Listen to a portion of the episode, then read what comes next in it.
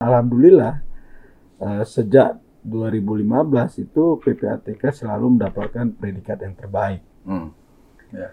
Di dalam proses penilaian saat ini, kira-kira nilai tambah apa yang bisa diberikan, Pak, kepada masyarakat agar uh, ya satu lebih mudah, kemudian hmm. juga lebih nyaman lah uh, sobat PPATK dan masyarakat secara umum. Ya, beberapa tahun terakhir ini kan kita terus membangun nih. Membangun uh, apa yang kita sebut sebagai strategi komunikasi kita. Yeah. Uh, kita uh, ada call center, kemudian kita juga uh, baru saja kita mengubah yang namanya website penampilan website kita PPID, itu uh, menjadi sangat ramah user lah gitu ya. Pengguna itu akan dengan mudah nanti akan tinggal masuk klik meminta informasi apa tinggal klik saja itu akan mudah sekali informasi apa pun yang yang ada Ya, kita menyadari betul uh, apa namanya rasa haus masyarakat terhadap informasi ya yang terkait dengan masalah-masalah yang tentu saja menjadi concern negara ini gitu kan. Kita ini kan oleh uh, undang-undang uh, dibebani tugas yang tidak sedikit gitu kan. Kita tuh harus uh, mengungkap uh, bisa mencegah dan bisa memberantas uh, tindak pidana uh, pencucian uang dan yang terkait dengan tindak pidana pencucian uang itu banyak, Pak. Itu hampir 26 jenis kejahatan oleh karena ini informasi yang kita berikan pun sebetulnya sangat kaya. Undang-Undang Dasar tahun 1945 pasal 28F menyebutkan hak setiap orang untuk memperoleh informasi juga relevan guna meningkatkan kualitas pelibatan masyarakat dalam proses pengambilan keputusan publik. Bila Citizen melihat kejanggalan berupa politik uang, jangan ragu, sampaikan ke PPID PPATK. Halo Sobat PPATK, jumpa lagi kita di Jumatan. Jumpa PPATK Pekanan bersama saya M. Natsir Kongat. Sudah hadir Pak Dian Ediana Rai, Kepala Pusat Pelaporan dan Analisis Transaksi Keuangan yang akan sharing informasi kepada kita Sobat PPATK bagaimana mendapatkan informasi di PPATK. Kok selama ini kesannya Pak Dian ya PPATK itu angker gitu ya, susah atau kok pelit banget gitu terhadap informasi. Nah, mungkin Pak Dian bisa memberikan pencerahan nih ke masyarakat kita, khususnya sobat PPATK, kenapa PPATK itu uh, terlalu pelit untuk informasi. ya, saya kira mungkin itu kesan ya, Bung Nasir ya. Uh, coba kita lihat begini, sebetulnya kalau menjelaskannya mudah. Iya, iya. Uh, kita ini PPATK itu didirikan dan bekerja berdasarkan undang-undang nih kan, undang-undang nomor 8 tahun 2010 itu mengenai pencegahan dan pemberantasan tindak pidana pencucian uang. Uh, dan satu lagi undang-undang yang terkait pendanaan terorisme.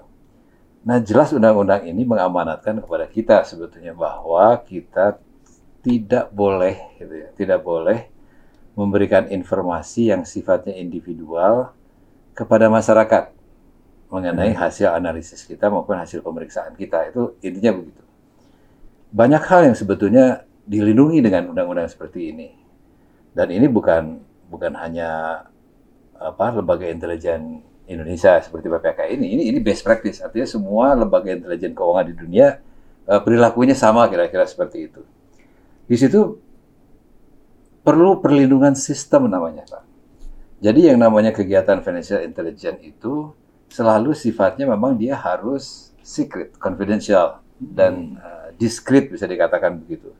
Sehingga semua informasi mengenai apa pun itu memang karena sifatnya itu pasti rahasia. Ya kan? Nah ini memang uh, kita harus melindungi siapa yang melapor, gitu kan. Kemudian kita harus melindungi juga siapa yang memproses di kita dan uh, kemudian juga uh, nanti juga dalam konteks misalnya kalau ini sudah diserahkan kepada aparat penegak hukum, maka juga norma itu juga tetap berlaku untuk aparat untuk aparat penegak hukum dan selanjutnya.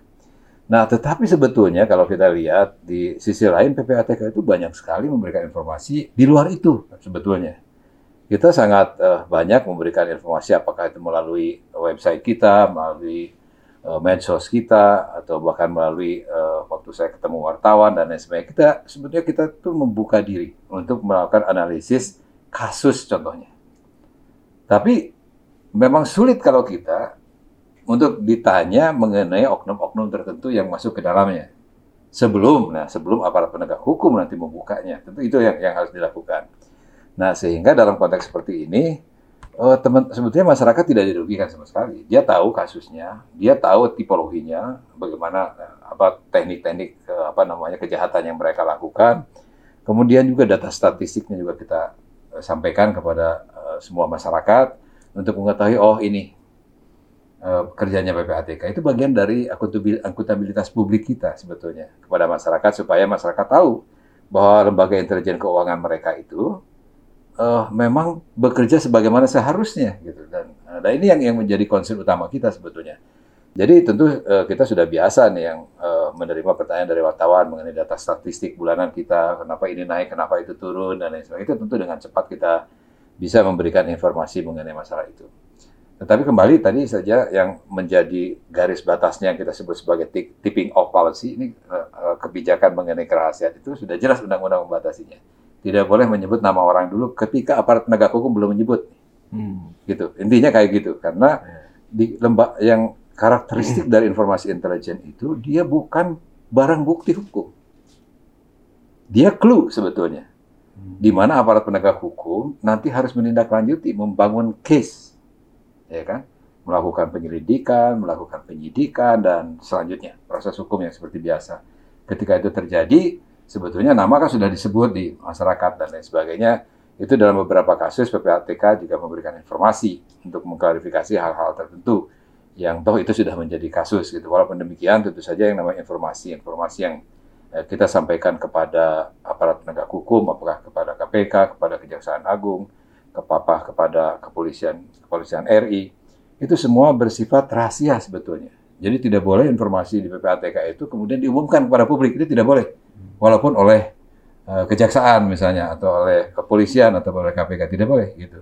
Dia justru menggunakan itu untuk membangun kasus sebetulnya. Nah setelah itu terjadi itu bisa saja uh, kalau sudah strong kasusnya sudah clear gitu. Karena segala sesuatu informasi yang bersifat intelijen itu masih intelijen. Sifat intelijen itu kan sesuatu yang harus uh, kalau menjadi kasus dia harus dibangun. Dibangun kasusnya sedemikian rupa ya, dengan segala macam barang bukti, hasil klarifikasi, penyelidikan, penyidikan dan lain sebagainya. Ini jadi kasus yang nyata. Gitu. Kira-kira begitu, Iya Pak Dian. Ya tadi Bapak bilang bahwa undang-undang hmm. uh, melindungi informasi yang ada. Tapi masyarakat juga Pak punya dasar hukum yang kuat karena mereka dilindungi untuk mendapatkan informasi. Ya. Nah jadi di mana kita bisa mengambil jalan tengahnya ini Pak?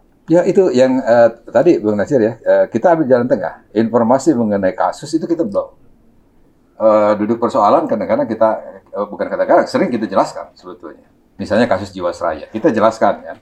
Uh, kemudian kasus yang terkait dengan investasi bodong, kita jelaskan. Terkait dengan banyak kasus sebetulnya sudah kita jelaskan kan. Yang Pak Dian jelaskan itu, uh, kasusnya secara umum tapi detailnya tidak begitu Pak? Iya, kasusnya kan secara umum kita jelaskan sebetulnya kan. Hmm. Uh, ada proses lain sebetulnya kalau uh, mau menyebut nama-nama seseorang untuk memastikan misal proses apakah si A itu terindikasi pidana dan lain sebagainya itu kan ada ada aparat penegak hukum yang dalam hal ini akan menentukan apakah memang seseorang ini mengarah kepada tindak pidana atau ini sesuatu yang mencurigakan tetapi kemudian bisa diklarifikasi uh, sebagai perbuatan yang legal misalnya.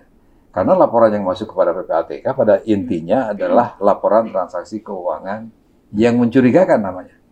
Eh, oleh karena itu, yang mencurigakan itu kemudian kita harus klarifikasi.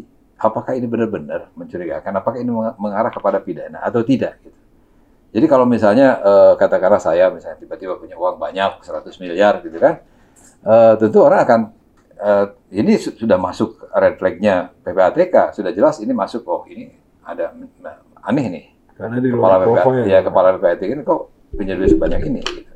Nah, ini mencurigakan. Kemudian dilakukan penelitian kan. Dilakukan penelitian ternyata oh saya itu baru misalnya mendapat warisan misalnya kan dengan segala surat segala macam dokumen ada itu clear sebetulnya. Hmm. Tetapi kalau kemudian ini tidak menjadi jelas asal usul uang saya itu tidak clear karena ini di luar profil saya sebagai uh, kepala PPATK ini akan diproses oleh aparat penegak hukum. Lebih lanjut kan untuk mengatakan oh iya kayaknya indikasinya jelas bahwa dia itu menerima suap menerima apa gitu kan. Itu harus uh, harus seperti itu dulu prosesnya. Dan uh, saya kira itu sudah uh, penjelasan dan lain sebagainya itu sudah sudah dengan mudah dilakukan oleh teman-teman aparat penegak hukum gitu kan. Sudah tinggal dijelaskan aja. Ya kalau ada kadang-kadang kita menerima beberapa hal yang masih uh, apa namanya masih mungkin perlu klarifikasi itu uh, biasanya masyarakat masyarakat dalam hal ini media suka menanyakan juga dalam konteks seperti ini seperti itu saya akan bisa menjelaskan case-nya sebetulnya secara secara gamblang tipologinya dan lain sebagainya gitu. Sejauh mana Pak uh, informasi yang Bapak sampaikan itu harus dirahasiakan? Hmm. Clue-cluenya begitu bahwa ini rahasia, ini enggak gitu. Ya sebetulnya uh, clue-nya itu ya uh, kira-kira borderline-nya itu tadi yang saya bilang itu terkait dengan individu apa bukan? Terkait individu case ya. Artinya dalam pengertian apakah nama sudah orang menyebut gitu? nama orang ya kan? Nama orang tertentu gitu kan? Uh, atau lembaga tertentu juga kalau misalnya itu itu masih masih bersifat rahasia. Tetapi di luar itu teman-teman itu bisa melihat oh ini ada kasus jiwasraya misalnya Oh tentu Jiwasraya kita kita akan bisa mengatakan apakah sudah masuk ke PPATK, sudah dianalisis oleh kita, sudah dilakukan pemeriksaan oleh kita. Kita akan jawab tentu saja mereka itu sudah sudah dilakukan analisis, sudah dilakukan pemeriksaan dan lain sebagainya. Tapi kemudian kalau kita disuruh menyimpulkan siapa yang bertanggung jawab, nah itu bukan peran kita, Pak. Jadi itu ada proses proses hukum yang yang harus ditindaklanjuti oleh tentu teman-teman yang menangani dalam ini misalnya kejaksaan ya. Sehingga mereka yang harus mengungkap secara lebih detail untuk kepentingan uh, pengadilan maupun juga kepentingan uh, informasi kepada masyarakat. Jadi sebenarnya banyak sebenarnya informasi yang bisa diakses ya Pak oleh masyarakat luas ya. Oh iya sangat sangat. Nah ini ya. sarana prasarana yang sudah disiapkan ya agar ya. mereka mudah gitu untuk mengakses hmm. dan mendapatkan informasi tadi secara mudah dan efektif gitu ya. ya. Apa Pak kira-kira yang Bapak siapkan ataupun ya. berikan gitu? Ya uh, seperti sebetulnya mungkin bisa dikatakan pola komunikasi kita dengan lembaga-lembaga lain itu hampir mirip sebenarnya. Tetapi ya tentu uh, kita sekarang itu intinya mengikuti perkembangan zaman saja. Yeah. Kita di samping uh, memberikan informasi dengan media-media uh, uh, yang sifatnya konvensional gitu kan, apakah majalah, apakah koran, apakah uh, berita, radio, televisi dan lain sebagainya, kita kan sekarang mengoptimalkan penggunaan medsos misalnya, media sosial itu. Hmm. Di situ kan ada macam-macam. Di situ kan ada Facebook, ada uh, Instagram dan lain sebagainya. Kemudian kita juga tentu saja ada yang konvensional lain adalah menggunakan uh, apa namanya email dan lain sebagainya untuk uh, meminta informasi kepada kita melalui website kita itu kan itu memang banyak hal yang kita dengan sengaja kita expose kepada masyarakat untuk supaya masyarakat itu paling tidak memahami betul uh, fungsi dan kedudukan kita itu kan dan juga pelaksanaan tugas kita itu sudah dilaksanakan dengan uh, baik apa tidak gitu kan. Ini ini bagian yang saya bilang itu bukan semata-mata untuk informasi publik, tetapi ini memang akuntabilitas kita sebagai lembaga publik ya untuk kepada masyarakat gitu. Nah, sehingga kita informasi apa pun terkait dengan data statistik yang terkait dengan masalah uh, tipologi, yang terkait dengan apa namanya informasi-informasi lain yang terkait dengan edukasi, itu kita berikan sebetulnya. Masih bisa dikatakan sebetulnya begitu. PPATK sudah tersedia semua sarana prasarana untuk sobat PPATK bisa mendapatkan informasi. Ada website tadi seperti Pak Dian sampaikan, ada media sosial. Bahkan sobat PPATK itu Pak Dian bisa mengakses semua informasi yang kita mm -hmm. publish lewat HP yang ada. Oh iya, iya. Jadi sangat dimudahkan.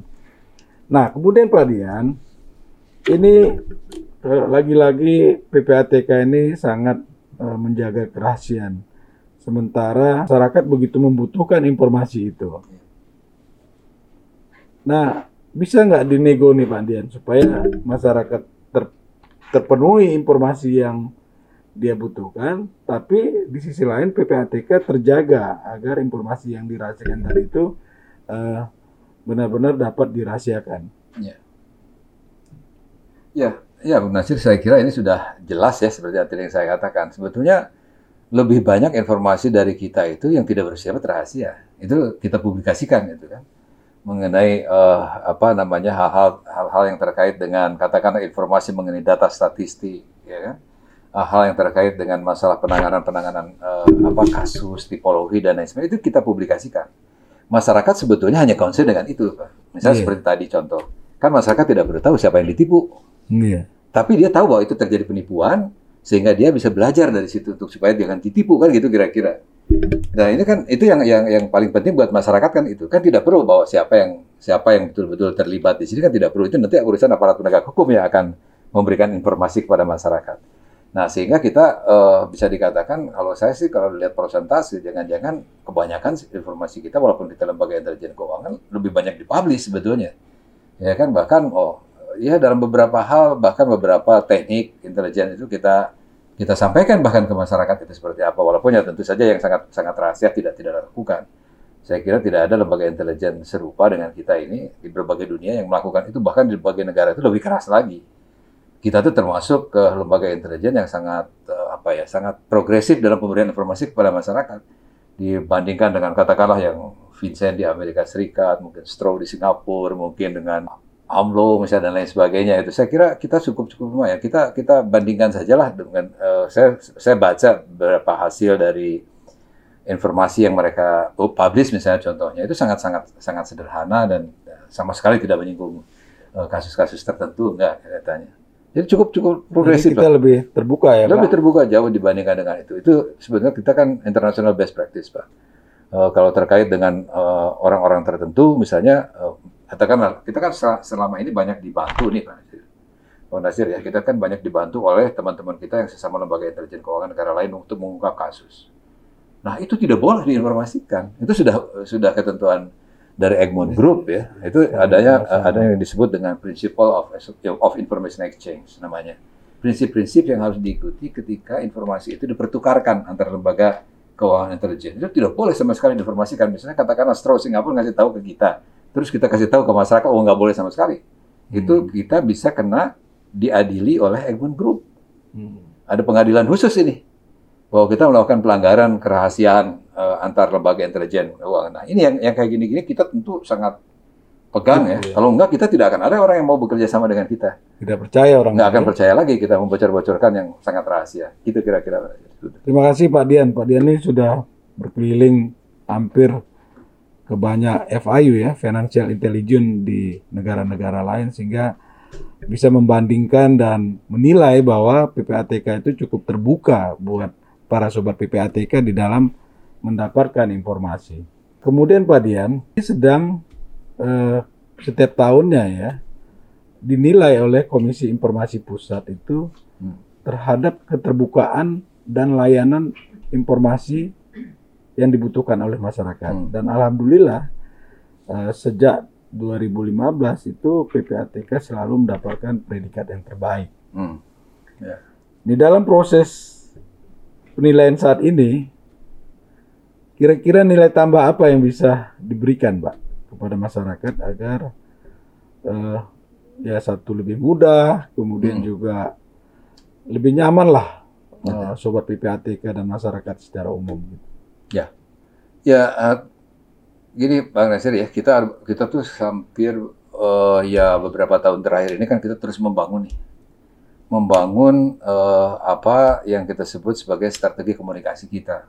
Yeah. Uh, kita uh, ada call center, kemudian kita juga uh, baru saja kita mengubah yang namanya website penampilan website kita PPID itu. Ya menjadi sangat ramah eh, user lah gitu ya. Pengguna itu akan dengan mudah nanti akan tinggal masuk klik meminta informasi apa tinggal klik saja.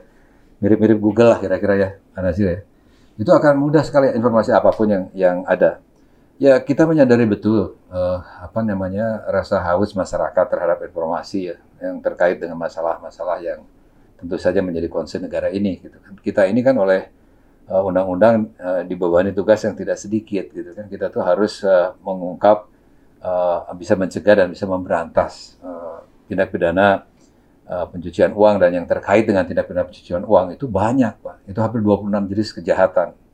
Oleh karena ini informasi yang kita berikan pun sebetulnya sangat kaya. Uh, sangat berlimpah bahkan uh, bahkan saya saya bisa agak sedikit uh, berbangga diri ya. Kalau data statistik kita kayaknya ya nggak kalah lah jauh dengan kalau dengan lembaga intelijen serupa bahkan dengan mungkin uh, beberapa lembaga tertentu di Indonesia kita kayaknya uh, masih well ahead lah bisa dikatakan mengenai data dan informasi itu. Nah sehingga uh, kita confidence ya bahwa masyarakat akan lebih mudah mengakses kita, masyarakat akan memperoleh uh, substansi yang lebih kaya gitu. Uh, dan apa namanya uh, public akuntabilitas kita sebagai lembaga negara itu juga akan bisa kita uh, tunjukkan kepada masyarakat dengan optimal gitu. Dan ini yang saya kira yang yang paling penting uh, yang kita lakukan Pak. Uh, pada waktu yang bersamaan tentu kita masih memprotek hal-hal uh, yang sangat rahasia tadi yang oleh undang-undang diperintahkan memang kita harus merahasiakan dan oleh international best practice memang kita harus merahasiakan. Nah yang kayak gini mungkin uh, agak susah dikompromikan. Kalau yang yang sangat rahasia itu tidak bisa. Saya kira kalau intelijen keuangan, lembaga intelijen seperti BIN misalnya, Badan Intelijen Negara kita itu ya tidak mungkin dia akan memberikan informasi kepada masyarakat. Uh, bahkan mungkin sangat sekretif ya, sangat mungkin sangat uh, very discreet gitu, mungkin sangat sangat rahasia gitu bisa dikatakan. Ini karakter-karakter ini saya kira tidak jauh ya Pak ya sebetulnya. Tapi kita mencoba mengimbangi dengan uh, informasi yang uh, apa pun yang bisa kita publikasikan karena kita betul-betul saring nih. Uh, kalau masyarakat yang kira-kira membutuhkan masyarakat dan ini bukan rahasia pasti kita keluarkan. Iya. Nah gitu aja sebetulnya intinya. Terima kasih Pak Dian atas diskusi dan sharing informasi yang disampaikan kepada kita Sobat PPATK. Semoga banyak manfaat yang bisa diraih dari apa yang disampaikan. Baik Sobat PPATK, kita jumpa lagi di Jumatan. Jumpa PPATK Pekanan pada Jumat depan. Kalau bersih, kenapa harus risih?